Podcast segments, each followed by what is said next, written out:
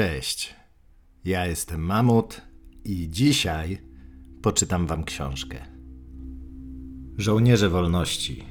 Część dziewiąta. Przygotowania. Od pewnego już czasu w Czechosłowacji narastało napięcie. W związku z tym w naszej dywizji przed terminem zakończono szkolenie podoficerów. Świeżo upieczonych sierżantów porozsyłano natychmiast do jednostek bojowych. Na ich miejsce przyszli rezerwiści. Z nazwy dywizji usunięto człon szkolna. Staliśmy się 287. Nowogrodzko-Wołyńską Dywizją Piechoty Zmotoryzowanej. Ukraina, początek lata 1968. Czort jeden wie, co stało się z transporterami opancerzonymi. W standardowym wyposażeniu każdego pułku piechoty zmotoryzowanej znajdowało się 31 czołgów, 6 haubic, 18 moździerzy i 103 transportery opancerzone. Liczba czołgów, haubic i moździerzy zgadzała się, za to transporterów mieliśmy zaledwie 40. Coś wisiało w powietrzu. W bratniej Czechosłowacji szykował się podobny scenariusz jak na Węgrzech w roku 1956. A więc przyjdzie nam pośpieszyć z bratnią pomocą. Tylko ciekawe jak, skoro w pułku piechoty zmotoryzowanej brakuje podstawowego sprzętu, jakim są transportery opancerzone. Po trzecim kielichu zapytałem o to kapitana, którego znałem jeszcze ze szkoły wojskowej, a który obecnie był zastępcą szefa sztabu do spraw mobilizacji. Kapitan spojrzał na mnie chytrze, odchrząknął, opróżnił szkło, zagryzł kawałkiem ogórka i spytał z nienacka. A wiesz ty w ogóle po co mamy w pułku transportery opancerzone? Jak to po co? Regulamin przewiduje, że powinniśmy mieć 103 na stanie. Błąd. Mamy transportery w pułku, ponieważ raz do roku uczestniczą w defiladzie w Kijowie. Do defilady potrzeba 36 wozów i tyle nasz pułk posiada. Cztery pozostałe to rezerwa. Kapitan wyczuł, że nie wyjaśnił mi wszystkiego wyczerpująco, dlatego zadał mi pytanie pomocnicze. Wiesz, ile pułków piechoty zmotoryzowanej liczy nasz okręg? Skąd mam wiedzieć? No ale w przybliżeniu, mniej więcej na oko. Na oko dwie armie pancerne i dwie ogólnowojskowe to by było 9 dywizji pancernych i 8 do 10 dywizji piechoty zmotoryzowanej. Zgadza się. Czyli około 36 pułków pancernych i 32 do 40 pułków piechoty zmotoryzowanej. Słusznie, ze wszystkich 36 pułków piechoty zmotoryzowanej naszego okręgu, tylko nasz dysponuje 40 transporterami opancerzonymi. Reszta nie ma ani jednego. Pieprzysz, żachnąłem się. Wcale nie. Wiedziałem, że kapitan zna się na rzeczy, że nie zmyśla. Wiedziałem też z całą pewnością, że dwa inne pułki naszej dywizji nie mają transporterów opancerzonych. Ale mimo wszystko nie mogłem uwierzyć, że nasz pułk jest jedynym w całym okręgu, który dysponuje tymi wozami. To gdzie są? Zapytałem w końcu. W Egipcie? To znaczy w Izraelu? Tam też, ale nie za wiele. Zauważ, że Izrael zagarnął sporo naszych czołgów i artylerii, ale nie transporterów. Znaczy w wojskach Układu Warszawskiego. Tak, ale też nie za dużo. Zauważ, Pepiki prawie całe uzbrojenie mają od nas, ale akurat transportery robią własne, według czeskiej technologii, którą sprzedali też Polakom. A Rumunii nędzarze wożą piechotę zwykłymi ciężarówkami. No to gdzie nasze wozy? A nigdzie, popatrzył na mnie badawczo i powtórzył. Nigdzie. W ogóle ich nie ma. Tak, kolego, zastanówmy się, ile wyprodukowaliśmy przed wojną i w czasie wojny. Ani jednego. Korzystaliśmy z wozów amerykańskich. Zgadza się, przyznałem. M3, półgąsienicowe. Były jeszcze jakieś inne kołowe, też amerykańskie. No to następne pytanie. Ile typów transporterów opancerzonych wyprodukowaliśmy w sumie razem? Sporo! BTR-40, BRDM, nie, te się nie liczą. To pojazdy zwiadowcze, a nie transportery opancerzone z prawdziwego zdarzenia. No tak, zgodziłem się. I BTR-50 też się nie liczy. To prawda, BTR-50 też nie. Wspaniały pojazd, chyba uznano, że aż za dobry dla nas. Na każdy pułk przydzielono zaledwie po jednym do wyłącznego użytku dowódcy pułku jako wóz dowodzenia, więc trudno go uznać za transporter opancerzony piechoty. Nazywa się też stosownie BTR-50PU, pływający dowodzenia. Wprawdzie szef sztabu pułku, dowódca artylerii i dowódca służby zwiadowczej to też dowodzenie, ale nawet w warunkach bojowych poruszają się zwykłymi ciężarówkami. Co prawda w dywizji tamańskiej jest jeden pułk w całości wyposażony w BTR-50, ale cała armia wie, że pułk ten, jak wszystkie dywizje dworskie, nigdy nie uczestniczy w prawdziwych manewrach, a jedynie w paradach. Nie liczymy też BWP, ciągnął kapitan. Po pierwsze dlatego, że są nowe, a po drugie BWP to nie to samo co BTR i nie zapewni transportu piechoty w warunkach bojowych. W BWP wyposażono tylko wybrane jednostki piechoty. A co z pozostałymi jednostkami? No więc jeszcze raz, ile typów transporterów opancerzonych wyprodukowaliśmy w całej naszej historii? Dwa, odpowiedziałem ze wstydem. BTR 152 i BTR 60P. Czy ty w ogóle masz pojęcie, co to jest transporter opancerzony? Niestety miałem. BTR-152 był w ogóle pierwszym radzieckim transporterem opancerzonym. Seryjną ciężarówkę ZIS-151 obudowano płytami pancernymi. ZIS-151 miał być wierną kopią słynnego amerykańskiego Studebakera. Jednak w niewielkim stopniu posiadał zalety oryginału, a mówiąc wprost, okazał się do niczego. Po dołożeniu dodatkowych 5 ton opancerzenia przypominała wszystko, tylko nie wóz bojowy. BTR-152 źle się poruszał w terenie, był niezwrotny, wolny, miał słaby pancerz. W dodatku produkowała go ta sama fabryka, która kleciła ciężarówki ZIS-151 i która borykała się z niezliczonymi problemami. A to bratnie Chiny na gwałt potrzebują ciężarówek, a to bratnia Indonezja, albo bratnia Korea, czy bratnia Albania. Rosja też potrzebuje środków transportu. Trwa zagospodarowywanie nieużytków. To znów rozbudowa hydroelektrowni w Bracku. Drugi radziecki transporter opancerzony, BTR-60P, miał zastąpić pierwszy, chociaż właściwie nie było czego zastępować, skoro większość radzieckich dywizji i tak dysponowała nim wyłącznie w teorii. Nowy transporter opancerzony miał kształt trumny. Nie mówiło się o nim inaczej jak trumna na kółkach. Z racji niedoborów oleju napędowego BTR-60P, tak jak i jego poprzednik, wyposażony został w silniki benzynowe. Dlatego w razie trafienia nieprzyjacielskim pociskiem palił się szczególnie jasnym płomieniem. Paliwo nie było zresztą jedynym mankamentem. W czasie, gdy konstruowano BTR-60P, ZSRR nie dysponował naprawdę mocnym i niezawodnym silnikiem benzynowym, wobec czego w wozie zainstalowano dwie jednostki napędowe z normalnych kołchozowych ciężarówek GAZ-51. W ten sposób BTR-60P wszedł do użytku z dwoma silnikami, dwoma gaźnikami, podwójnym sprzęgłem, dwoma układami transmisyjnymi, dwoma alternatorami i podwójnym rozrusznikiem. Wszystkim tym mechanizmom daleko było do niezawodności, więc ilekroć następowała desynchronizacja silników, co zdarzało się nagminnie, jeden silnik dławił drugi. Wówczas należało natychmiast jeden z nich odłączyć, skutkiem czego 12-tonowa trumna na kółkach ledwie zipiała, napędzana silnikiem o mocy 90 koni mechanicznych. Litera P w nazwie BTR-60P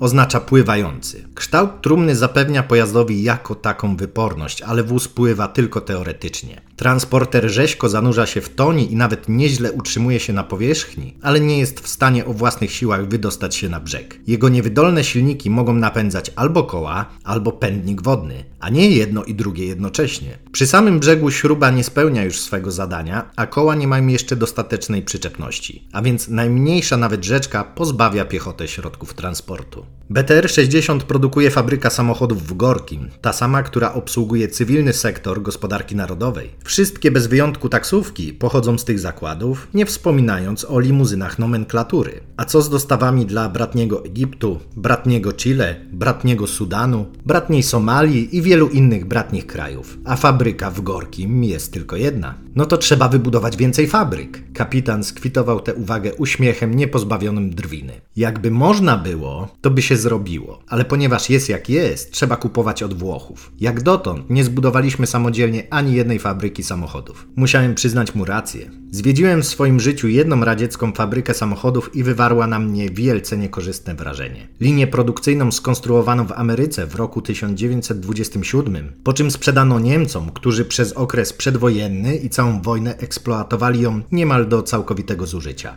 W roku 1945 ten zdezelowany sprzęt przetransportowano do Związku Radzieckiego i rozpoczęto produkcję Moskwicza. Perspektywiczny plan rozwoju fabryki Moskwicza nie przewidywał wymiany urządzeń przed rokiem 2000. A co później? Zobaczymy. Jest jednak wysoce prawdopodobne, że padł kolejny rekord. No to jak w takim razie wyzwolimy bratnią Czechosłowację? Jak zwykle, na Hama. W oddziałach pierwszego rzutu w NRD, w Polsce i w okręgach przygranicznych mamy, rzecz jasna, transportery opancerzone. A tutaj, na tyłach, w drugiej, trzeciej linii, mamy tylko robić dużo hałasu i ogólnie manifestować pełną gotowość. A jeżeli naprawdę dojdzie do wojny, jeżeli Amerykanie będą interweniować, niech cię o to głowa nie boli. Nikt nie będzie interweniował. Oni wszystko zniosą. Im więcej naszego hamstwa, tym większa ich cierpliwość. Pewnie obrzucą kamieniami nasze ambasady, a potem naprawią na własny koszt. Co do kopiejki. No i nastąpi tradycyjna poprawa stosunków międzynarodowych, a po tygodniu wszystko pójdzie w niepamięć. No dobra, teraz strzemiennego i do roboty. Jutro mobilizacja.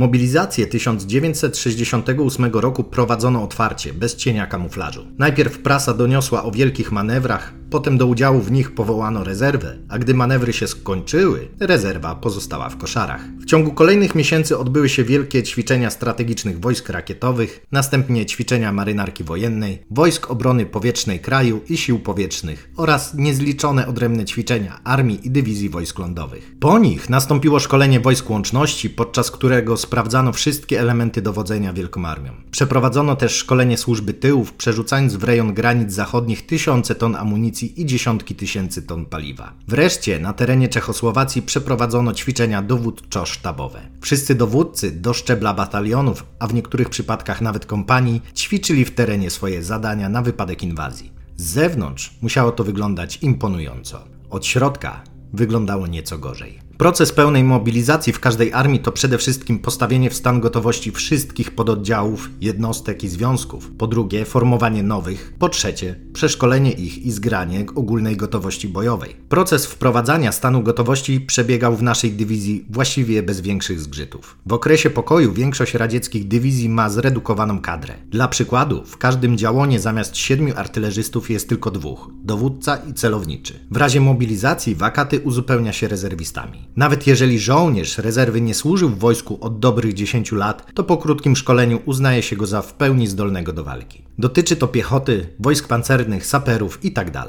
w znacznie gorszej sytuacji są jednostki łączności, obrony przeciwlotniczej i przeciwrakietowej, zwiadu i broni chemicznej. Tu żołnierz wykonuje zadania samodzielnie i jest zdany na własne umiejętności. Dlatego nawet po czterech miesiącach szkolenia te formacje wciąż nie były gotowe do walki terminologii oficjalnej dywizje ze zredukowanym stanem osobowym określa się mianem skadrowanych. Złośliwi mówią o nich skastrowane. W naszym batalionie pancernym na przykład na każdy czołg przypadało trzech żołnierzy zamiast czterech. Brakowało ładowniczych. Z chwilą dołączenia ładowniczego do załogi czołg był natychmiast gotowy do walki. W pozostałych batalionach pancernych, siedem w dywizji, na każdy czołg przypadał tylko jeden żołnierz, kierowca. Podczas mobilizacji wszystkie nieobsadzone stanowiska, a więc celowniczych, ładowniczych, dowódców czołgów, a nawet starszego sierżanta i dowódców plutonów obejmowali żołnierze rezerwy. Wszyscy też, prócz dowódców plutonów, zakończyli swoją służbę 5 do 10 lat wcześniej, często w czołgach innego typu. Dowódcy plutonów natomiast nie służyli nigdy i nigdzie i o niczym nie mieli zielonego pojęcia, nie tylko o czołgach, współczesnej technice i taktyce, ale o wojsku w ogóle. Dowódcy plutonów to po prostu niedawni studenci, którzy na studiach mieli zajęcia z wojska i wraz z dyplomem uzyskali stopień podporuczników rezerwy. Jednak największym problemem była piechota.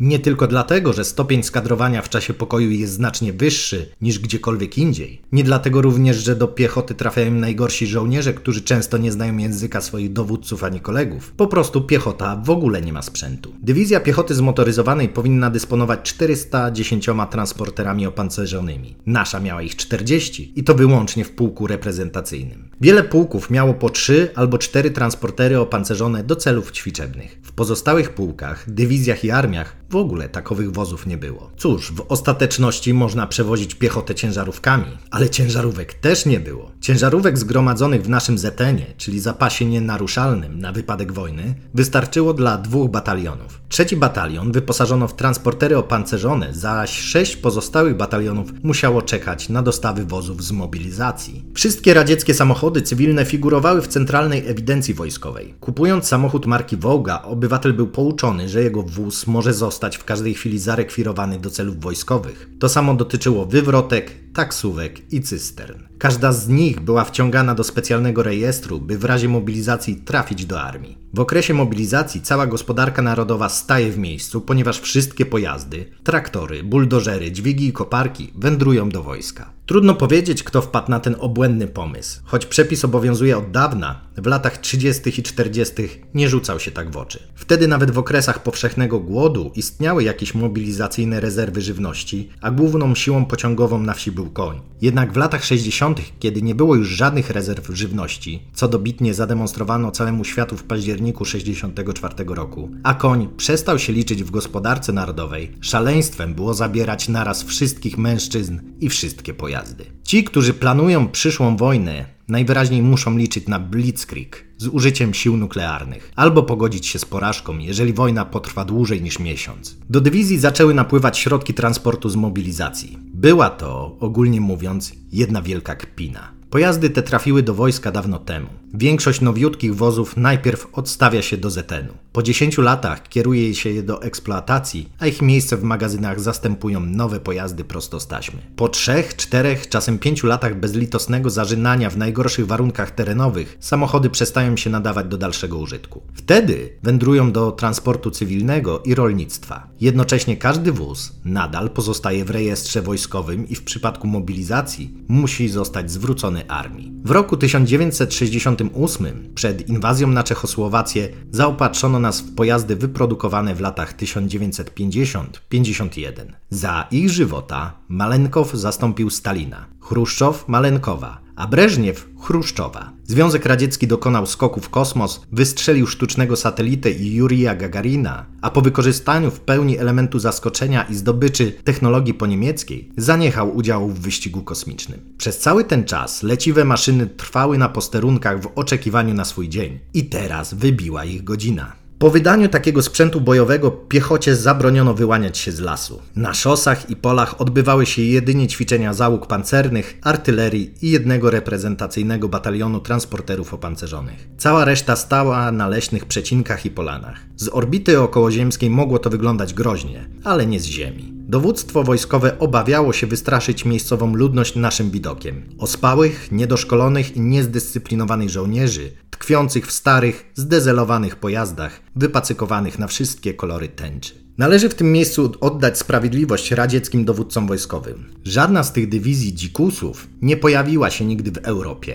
a w Związku Radzieckim nie wychodziła za dnia na otwarte tereny. Za to samo ich istnienie dawało Związkowi Radzieckiemu sporą przewagę. Amerykański wywiad odnotował potężne kolumny pancerne na drogach i nieprzeliczone oddziały piechoty pochowane w lasach. Tak też w istocie było, ale była to piechota zdezorganizowana, niesubordynowana i niezdolna do walki. Po pierwszym etapie mobilizacji uzupełnienia stanu osobowego skadrowanych jednostek rozpoczął się etap drugi formowania nowych pododdziałów, oddziałów i związków taktycznych. Wciąż napływali nowi rezerwiści, a wraz z nimi nowe środki transportu. Jednostki rozrastały się i pewnej pięknej nocy padł rozkaz, by się rozdzielić. Zastępca dowódcy dywizji stawał się dowódcą nowej dywizji, a zastępca szefa sztabu szefem sztabu dywizji drugiej kolejności formowania, używając oficjalnego nazewnictwa. Tej samej nocy dowódcy batalionów zostali dowódcami pułków, a dowódcy kompanii dowódcami batalionów. Nieszczęściem było to, że dowódcy plutonów, absolwenci cywilnych uczelni, którzy nigdy nie oglądali prawdziwego wojska, zostawali przy tej okazji dowódcami kompanii, a sierżantów rezerwy awansowano na dowódców plutonów. Po przepołowieniu każda dywizja i każdy pułk na nowo podejmują proces uzupełniania stanu osobowego, tym razem jeszcze starszymi rocznikami rezerwistów i jeszcze starszym parkiem maszynowym.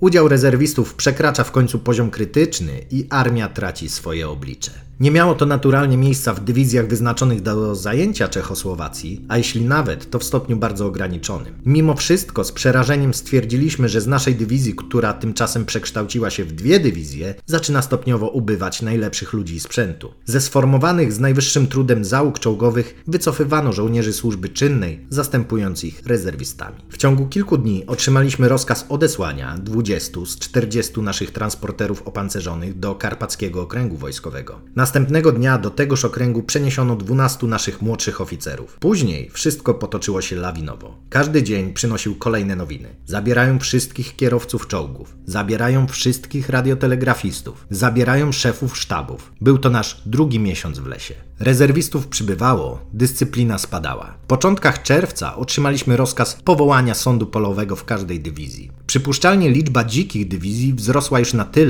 a dyscyplina z racji odejścia zawodowych oficerów, sierżantów i żołnierzy tak spadła, że było rzeczą niemożliwą rządzić tą całą hałastrą inaczej niż poprzez sądy polowe. Trybunały szybko przywróciły porządek, ale na stan wyszkolenia oddziałów niewiele mogły poradzić. Ćwiczenia odbywały się codziennie. W naszym pułku tymczasem wynikły nowe problemy. Po odesłaniu połowy transporterów zostało nam już tylko 20. Po dwa przydzielono dowódcom drugiego i trzeciego batalionu. Pierwszemu batalionowi pozostało 16. Rozdysponowano je po bratersku. Jeden dla dowódcy batalionu i po 5 na każdą kompanię. Kompania liczy 76 chłopa. Transporter opancerzony zabiera teoretycznie 15 ludzi, nie licząc kierowcy, czyli dla wszystkich powinno starczyć miejsca. W praktyce jednak jeden transporter opancerzony otrzymuje dowódca kompanii, z którym jedzie jego zastępca polityczny, sanitariusz, drużyny od CKM-ów z potężnym zapasem amunicji i starszy sierżant z całym dobytkiem kompanii. Na trzy pozostałe plutony po 22 ludzi w każdym pozostały cztery wozy. Jeden na każdy pluton i jeden do użytku zbiorowego. Fakt, że w ogniu walki plutony i drużyny rozpierzchną się na wszystkie strony, nikogo nie niepokoi. Chwilowo nie ma czasu myśleć o wojnie, trzeba troszczyć się o to, jak rozlokować ludzi w transporterach. Dodatkowych pojazdów, nawet ostatnich gruchotów, nikt nam nie da, bo skąd je wziąć? Zresztą nasz pułk i tak ma najlepsze wyposażenie ze wszystkich trzech armii okręgu, trzeba to docenić. Tak więc w transporterze opancerzonym przeznaczonym na 15 ludzi musieliśmy pomieścić 16. Nie jest tak źle. Na ćwiczeniach wozi się jeszcze więcej, bywało, że i 30. Z tym, że ćwiczenia, a warunki bojowe to zupełnie różne sprawy. W warunkach bojowych każdy transporter opancerzony przewozi oprócz stałego uzbrojenia i wyposażenia piechoty jeden granatnik RPG-7 z 10 granatami. 10 granatów to dwie spore skrzynie. Do tego 20 granatów ręcznych F1, czyli kolejna skrzynka. I karabin maszynowy SGMB z dwoma tysiącami naboi, czyli jeszcze dwie skrzynki. Transporter opancerzony musi też wieźć dwie dodatkowe beczki paliwa, które zawiesza się na górze i koło zapasowe, które umieszcza się na pancerzu, przez co nie otwiera się jeden włas. Poza tym każdy żołnierz wiezie karabin samoczynny, RKM albo granatnik. Przydział amunicji wynosi 300 naboi na automat i 1000 naboi na RKM. Każdy żołnierz ma także dwa granaty, bagnet, maskę przeciwgazową, gumowy kombinezon ochronny, gumowe buty przeciwpromienne i rękawice, szynel i pałatkę, zmianę bielizny, pięciodniową rację żywności, manierkę, saperkę oraz opatrunek osobisty i indywidualny pakiet przeciwpromienny. Kiedy się to wszystko zapakuje do wozu, nie zostaje miejsca nawet dla jednej osoby, a co dopiero dla 16. Kiedyś było lepiej, bo transportery opancerzone starego typu nie miały pancernych dachów i można było układać żołnierzy warstwami, jak wiejskie dziewki na wozie przy żniwach. Po Węgrzech zaprzestano produkcji wozów tego typu. Teraz wszystkich 16 trzeba upchnąć przez jeden właz do wnętrza wozu. Nie jest to łatwe zadanie, szczególnie jeśli weźmie się pod uwagę tusze rezerwistów. Takie wsiadanie może trwać i 40 minut. Jeśli coś się nagle zdarzy, maszyna się przewróci albo zacznie płonąć, nikt prócz kierowcy i dowódcy, których stanowiska są oddzielone, nie ujdzie z życiem. A co dopiero mówić o bitwie? Jak zatem oddychają ściśnięci niczym śledzie w beczce? Zdrowy żołnierski pomyślunek znalazł rozwiązanie. Wszyscy zakładają maski przeciwgazowe, odkręcają pochłaniacze z filtrem, a rury wystawiają przez otwarty włas i otwory strzelnicze. Latem w masce przeciwgazowej nie jest może zbyt przyjemnie, zwłaszcza gdy ze wszystkich stron napierają na człowieka czyjeś plecy, tyłki,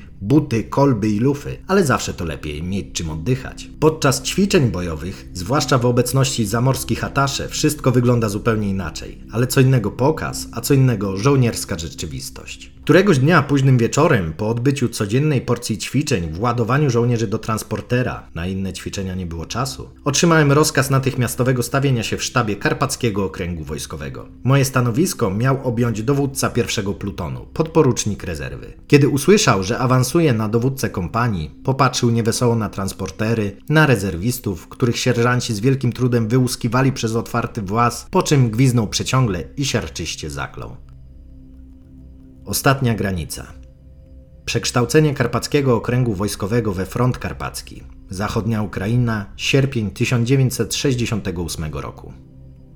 Ziarno zacznie się wysypywać z kłosów, jak zboże jeszcze postoi na polach. Co oni sobie myślą ci na górze? Myślisz, że im łatwo? Czesi wciąż nie dają pretekstu, żeby wystąpić w ich obronie. Komunistów nie mordują, żaden czekista nie zawisł na latarni. Przed kim ich mamy bronić? Nie ma jak wejść. Powinniśmy myśleć przede wszystkim o sobie, o własnym kraju, a nie przejmować się pieprzonymi pepikami albo opinią światową. Czas wkroczyć i tyle. To już bez ciebie wiedzą, czas czy nie czas. Gówno tam wiedzą. Jak nasze wojska w ciągu tygodnia nie wkroczą do Czechosłowacji, to koniec z nami. A to dlaczego? Dlatego, że zboże się wysypie, bo nie ma go kto zebrać z pola. Z kołchozów pozabierali wszystkich chłopów i wszystkie ciężarówki, a jak nie sprzątniemy zboża, wszystko się zacznie dokładnie jak w 64.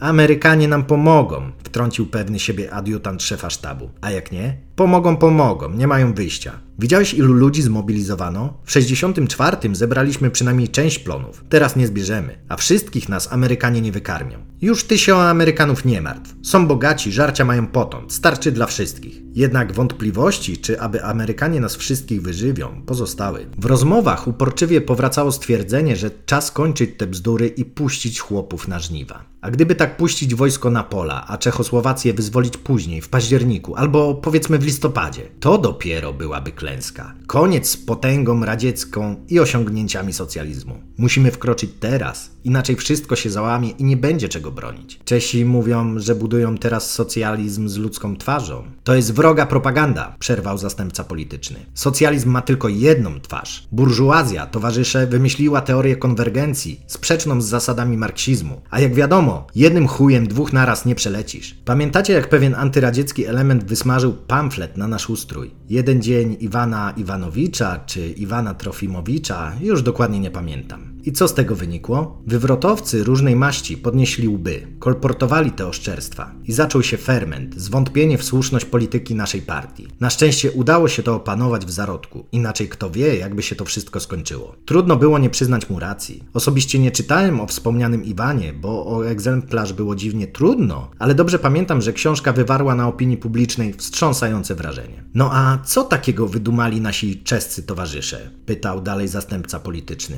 Całkowicie znieśli cenzurę. Otworzyli na oścież bramy propagandzie burżuazyjnej. Każdy drukuje co chce. Do czego to doprowadzi? Do konwergencji? Bzdury, do kapitalizmu. Wpływom burżuazyjnym wystarczy najmniejsza szczelina. Zaraz potok przerwie tamę, runie jak powódź i w mig zniszczy cały system. Myśmy już mieli taką szczelinę. Na szczęście partia potrafiła ją zatkać, nim było za późno. A w Czechosłowacji to już nie jest szczelina. To istny potop. Należy go natychmiast powstrzymać. Co to za konwergencja, kiedy każdemu wolno mówić, co mu się podoba? To nie konwergencja, to czystej wody burżuazyjna anarchia. Z tym również nie sposób było się nie zgodzić. Jeżeli w przeszłości cały system omal nie załamał się przez jedno głupie opowiadanko, to co dopiero będzie w warunkach całkowitego zniesienia cenzury? Trzeciej drogi nie ma. Jeżeli istnieje komitet centralny, to obowiązuje polityka partii. Organa stoją na straży KC, a cenzura stoi na straży linii politycznej partii. Rezygnacja z któregokolwiek elementu oznacza upadek całego systemu. Bezrobocie, kryzysy gospodarcze, skoki cen, inflacja. Oto, co znaczy parszywy kapitalizm. Jaka tu może być mowa o konwergencji? Mówcie dalej, prosimy, towarzyszu pułkowniku, wołano z tylnych rzędów. Nowy polityczny, w odróżnieniu od swego poprzednika, mówił rozsądnie i przekonująco.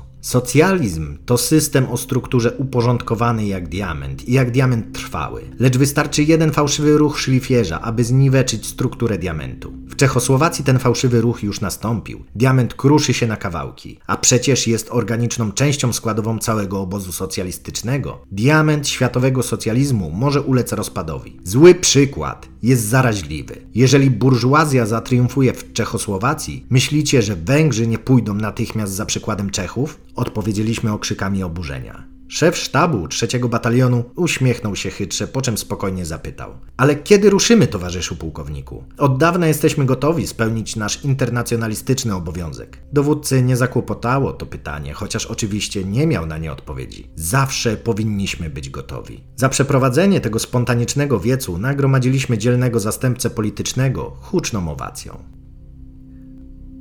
Żołnierze wolności Huragan przeniesień, przegrupowań, przeformowań i uzupełnień stanu osobowego zagarnął również mnie i przerzucił do drugiego batalionu 274 Pułku 24 Samarsko-Ulianowskiej Berdyczowskiej Żelaznej Dywizji Piechoty Zmotoryzowanej, wchodzącej w skład 38 Armii Karpackiego Okręgu Wojskowego.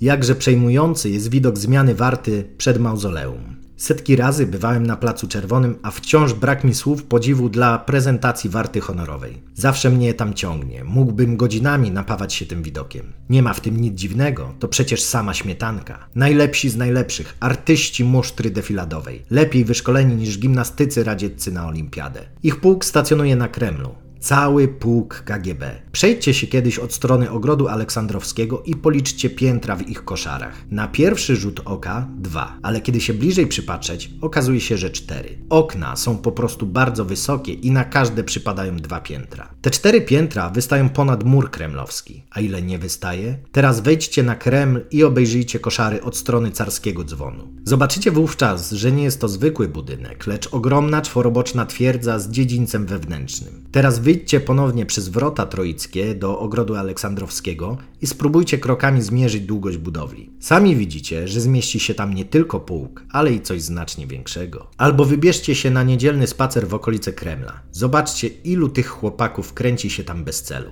A dowódca pułku może zwolnić na przepustkę najwyżej 10% żołnierzy jednocześnie. Taka zasada obowiązuje dowódcę zwykłego pułku, ale pułk kremlowski nie jest zwykłym pułkiem. Zresztą nawet jeśli dowódca wypuszcza do miasta co 20 ze swoich sokołów, żeby trochę sobie polatali, to ile ich jest na Kremlu? A jeżeli to, co widzimy, to nie 5%, tylko 2 albo 3, to ilu ich siedzi w koszarach? Zuchy te przechadzają się dumnie tam i z powrotem, zadzierają nosa. I słusznie. Wcześniej strzegli jednego Ilicza, a teraz dwóch. Mają wspaniałe mundury, szynel, czapka, oficerki, wszystko ze specjalnych przydziałów. Na niebieskich naramiennikach złocą się litery GB. Zaraz, zaraz. Dlaczego nie KGB, tylko samo GB? Już wyjaśnię. K oznacza komitet, a komitet nie brzmi wystarczająco solidnie. Lepsze byłoby MGB, ministerstwo, ale najlepiej samo GB, bezpieczeństwo państwowe. Krótko i dobitnie. Znacznie lepiej niż te wszystkie ministerstwa i komitety z Komitetem Centralnym włącznie. A więc sam kwiat, najlepsi z najlepszych. Kompletny pułk, tylko bez czołgów i artylerii. Czołgi zresztą są i tak niepotrzebne. Mury Kremla, dzięki Bogu, trzymają się mocno. No dobrze, a jeśli coś się wydarzy, jeżeli wybuchnie jakaś ruchawka, na przykład rewolta czołgistów wymierzona w leninowski KC, co wtedy?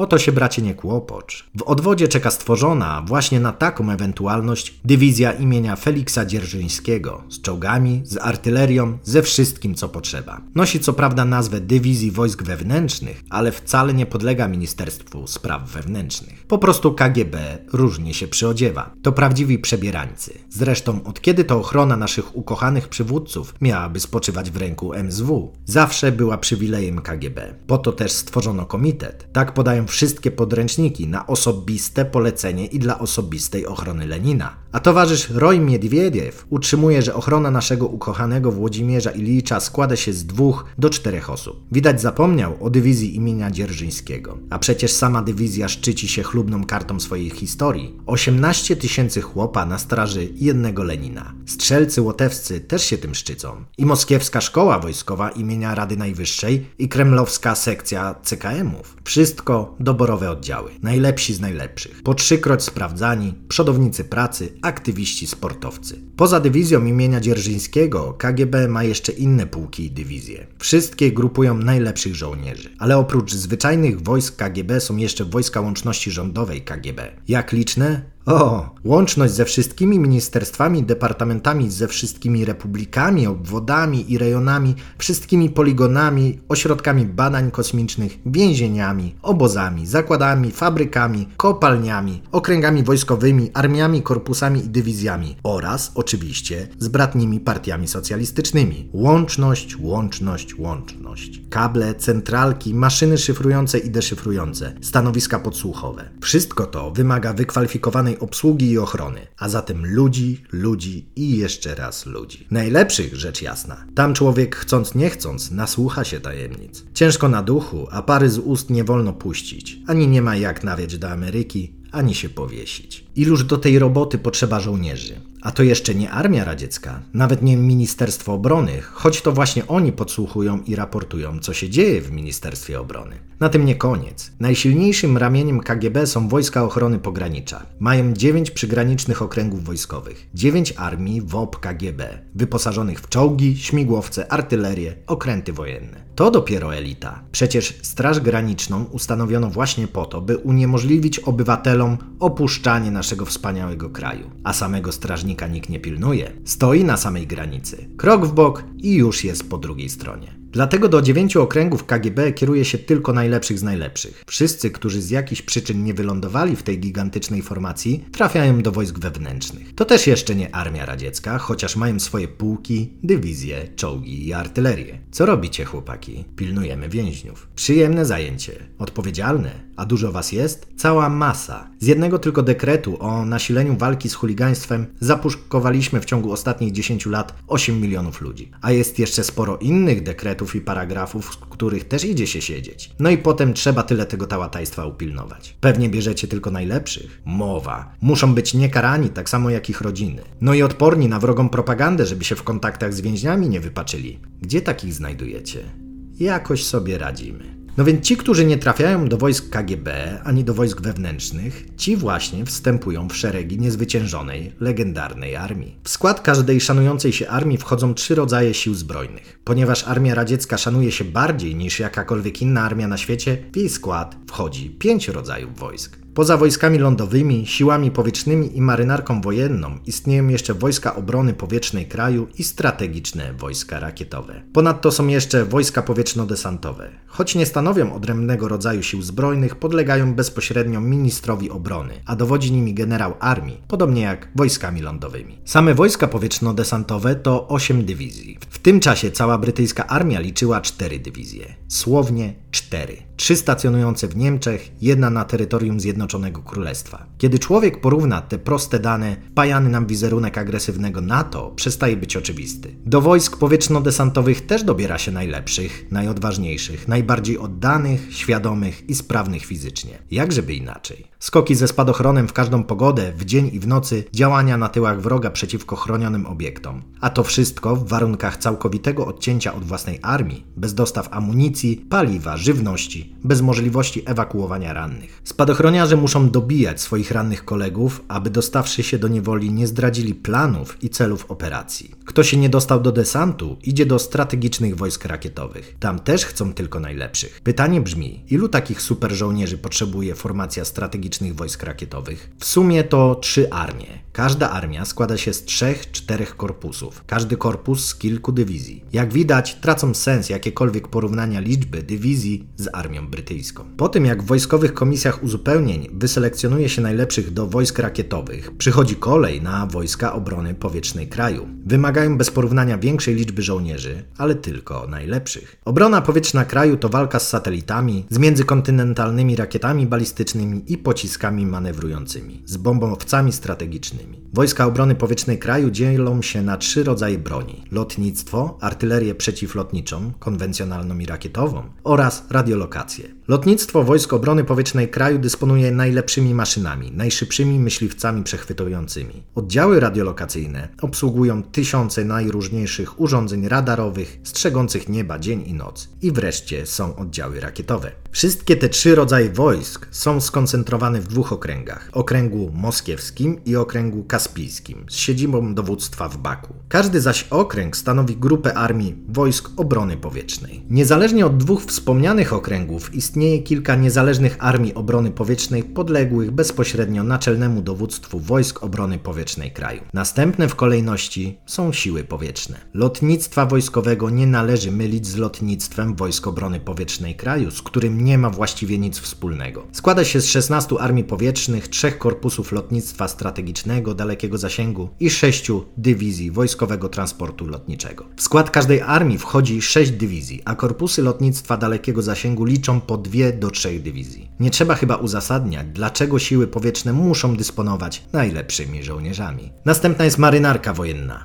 ogromna. W jej składzie zaś piechota morska, gdzie kryteria naboru są podobne jak w wojskach powietrzno-desantowych. Marynarka dysponuje też kolosalną liczbą rakiet strategicznych, a obsługujący je marynarze muszą spełniać takie wymagania jak w strategicznych wojskach rakietowych, a może i wyższe. Przecież wystrzelenie rakiety z atomowego okrętu podwodnego jest operacją bez porównania bardziej skomplikowaną niż z klasycznego podziemnego silosu. Marynarka wojenna ma też własną obronę przeciwlotniczą i potężne lotnictwo morskie niezależne od sił powietrznych i wojsk obrony powietrznej kraju. Naturalnie najważniejszą rzeczą jest to, żeby do marynarki trafiali ludzie najinteligentniejsi, o dużej wiedzy, odwadze i bystrości, silni i twardzi. Cała reszta trafia do wojsk lądowych. Najlepszych z nich wysyła się za granicę, żeby nie psuli reputacji w Europie, żeby wyzwolone narody mogły podziwiać swoich wyzwolicieli. A ilu żołnierzy trzeba rozesłać po wyzwolonej Europie? Oj, nie mało. Weźmy dla przykładu RFN z ich krwiożerczą Bundeswehrą, którą w Związku Radzieckim straszono wszystkich, od przedszkola po domy starców. Rewanżystowska Bundeswehra liczyła sobie 12 dywizji, łącznie z czołgami, piechotą zmotoryzowaną,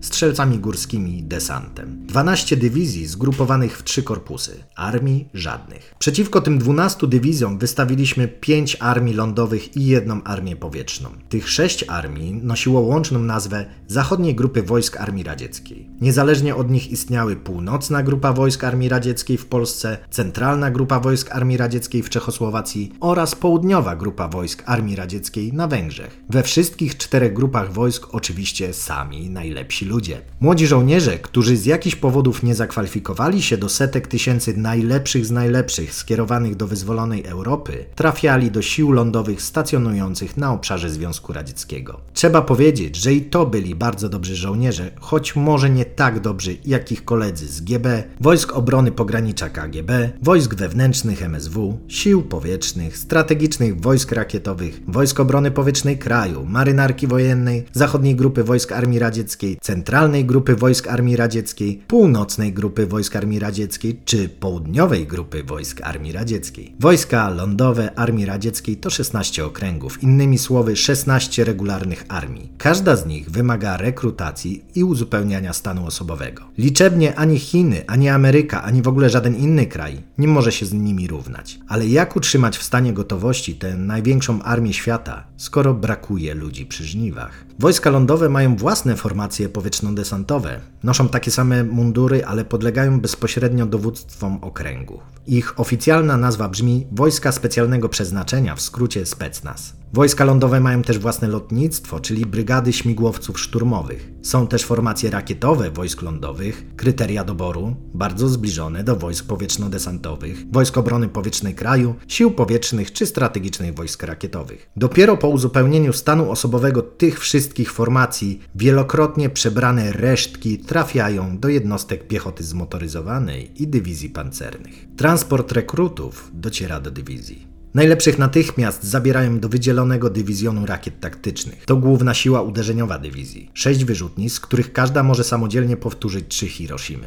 Kolejna selekcja i następni wybrańcy zasilają wydzielony dywizjon samobieżnych wyrzutni rakiet Ziemia-Powietrze. Potem dobiera sobie ludzi wydzielony batalion zwiadowczy. Zrozumiałe, najlepsi do zwiadu. Z pozostałych najlepsi idą kolejno do wydzielonego dywizjonu artylerii przeciwpancernej i wydzielonego batalionu łączności. Bez nich żadna dywizja nie mogłaby brać udziału w walce. Po tych wszystkich wydzielonych batalionach i dywizjonach przychodzi kolej na dywizyjny pułk obrony przeciwlotniczej. Bez obrony pelot trudno przetrwać na polu walki, no to powinni tam pójść najlepsi z najlepszych. Po tym nastaje czas doboru uzupełnień dla pułku artylerii. Nieprzypadkowo śpiewa się Mondrala w artylerii, Fircyk w kawalerii, Leniuch we flocie, a Głupek w piechocie. No właśnie, kiedy już wszystkich rozgarniętych zabiorą do artylerii, pozostałych wysyła się do pułków piechoty zmotoryzowanej i do czołgów. Nieszczęście polega na tym, że każdy pułk ma własną kompanię zwiadu, własną kompanię pelot, własną baterię albo i dywizjon artylerii, baterię lekkich wyrzutni rakietowych, kompanię łączności i tak. Każda z nich bierze do siebie oczywiście tylko najlepszych. Dokonałem inspekcji swojej kompanii gwardyjskiej. Zagryzłem wargi i nie powiedziałem ani słowa.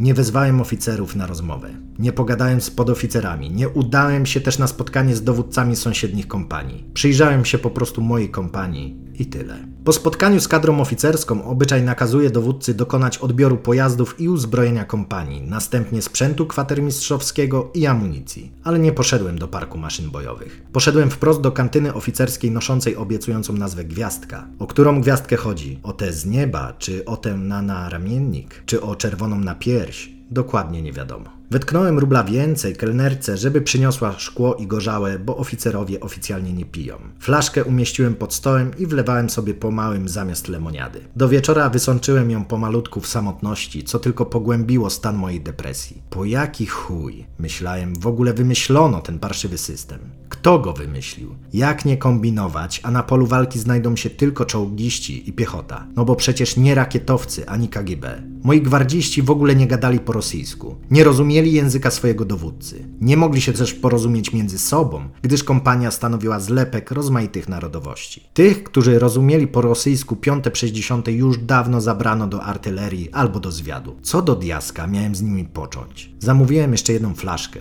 Dosiadło się do mnie dwóch kapitanów piechoty. Może zwyczajnie szukali trzeciego do kieliszka. Płacze znaczy nowy. Każdy tak samo zaczyna.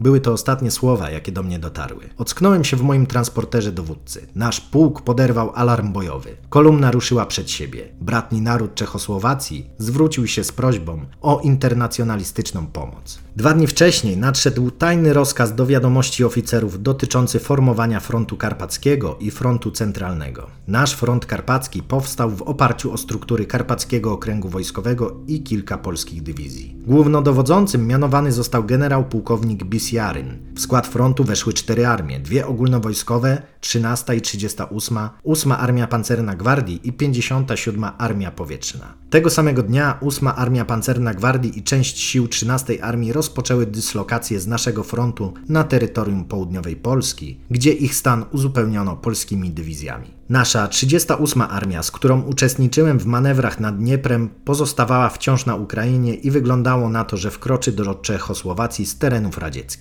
Tegoż dnia usłyszeliśmy o utworzeniu frontu centralnego pod dowództwem generała pułkownika Majorowa. W jego skład wchodziły struktury sztabowe Okręgu Bałtyckiego, oddziały Bałtyckiego Okręgu Wojskowego, zachodniej grupy wojsk Armii Radzieckiej z NRD, północnej grupy wojsk Armii Radzieckiej z Polski oraz kilka wybranych dywizji polskich i niemieckich. Poza tym 11 i 20 Armia Gwardii, 4 Armia Pancerna Gwardii i 37 Armia Powietrzna. Front centralny rozwijał się na obszarach NRD i Polski na zachód od Krakowa. Później dowiedziałem się, że na terytorium węgierskim utworzono front południowy, który nie wkroczył do Czechosłowacji, lecz jedynie osłaniał tyły grup uderzeniowych. Do Czechosłowacji weszła za to grupa operacyjna Balaton, większa niż armia, ale mniejsza niż front. Dwie radzieckie dywizje plus dorzucone dla urozmaicenia jednostki bułgarskie i węgierskie. 19 sierpnia o świcie oficerom odczytano tajny rozkaz o utworzeniu naczelnego dowództwa operacji Dunaj. Głównodowodzącym został generał armii Pawłowski, a jego stanowisko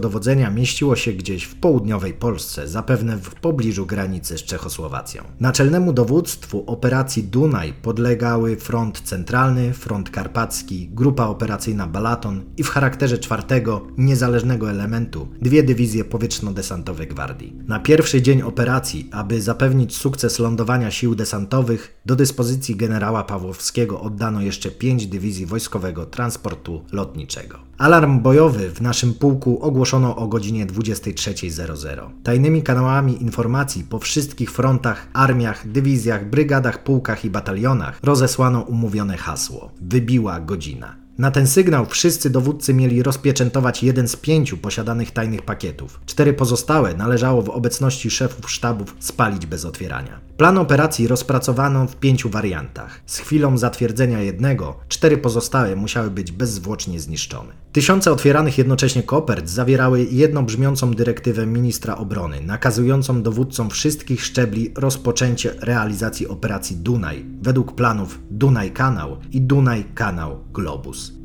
Rozpoczęło się wyzwalanie.